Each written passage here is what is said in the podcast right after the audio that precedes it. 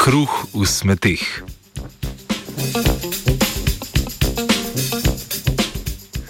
Dobro jutro. V današnji znanstveni novici pa v skupini italijanskih znanstvenic in znanstvenikov, ki se v raziskovalnem članku, objavljenem v reviji Frontiers of Microbiology, spraševala, kaj lahko naredimo z velikimi količinami ostankov kruha.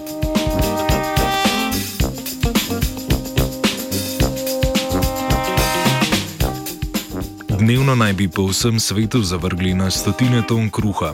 Raziskovalci in raziskovalke v opisani študiji so sklenili iz odpadnega kruha razviti gojišče, ki bi omogočilo pridobivanje večjih količin tako imenovanih starterskih kultur. S tem izrazom označujemo posamezne skupine mikroorganizmov, ki v procesu fermentacije pretvarjajo različne vrste hrane v želene proizvode.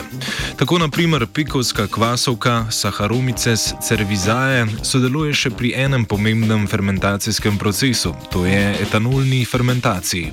V procesu nastanka vina te kvasovke sladkorne molekule skrbno pretvarjajo v molekule etanola.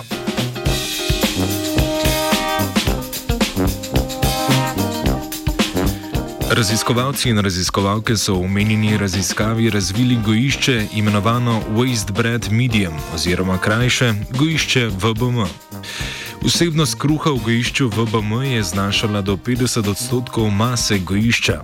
V gojišče so dodali tudi encime za razgradnjo škroba in beljakovin ter kvasni ekstrakt, glukozo, pepton in sirotkine proteine. Preverjanje ustreznosti gojišča VBM in izboljšavanje njegovih lastnosti so izvedli na mlečno-kislinski bakteriji Lactobacillus plantarum ter na pikovski kvasovki Saccharomyces cerevisiae.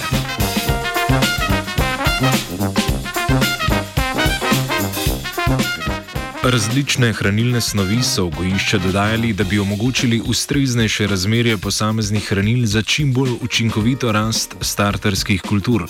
Sestavo gojišča so spreminjali, dokler ni bila rast posamezne vrste primerljiva z rastjo ta istih mikroorganizmov na gojiščih, ki se trenutno uporabljajo.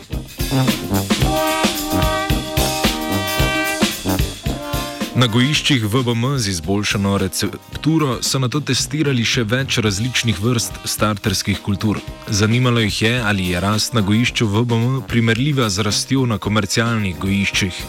Potencial za nagojitev uporabljenih starterskih kultur v večjih količinah so tako dokazali še pri različnih vrstah mlečno-kislinskih bakterij, kvasovk in plesni, pomembnih v vinarstvu, v industriji pekovskih izdelkov ter v industriji mlečnih izdelkov izdelkov.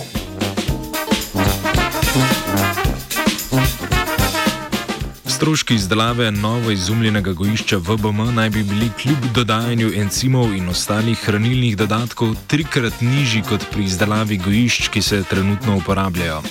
Velik interes za to vrstno gojišče je predhodno že izrazila tudi živilska industrija, ki išče nove načine za trajnejšo proizvodnjo hrane in boljšo izrabo lastnih odpadkov.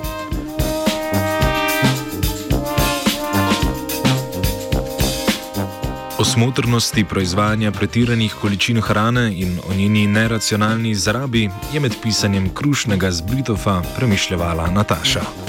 Thank you.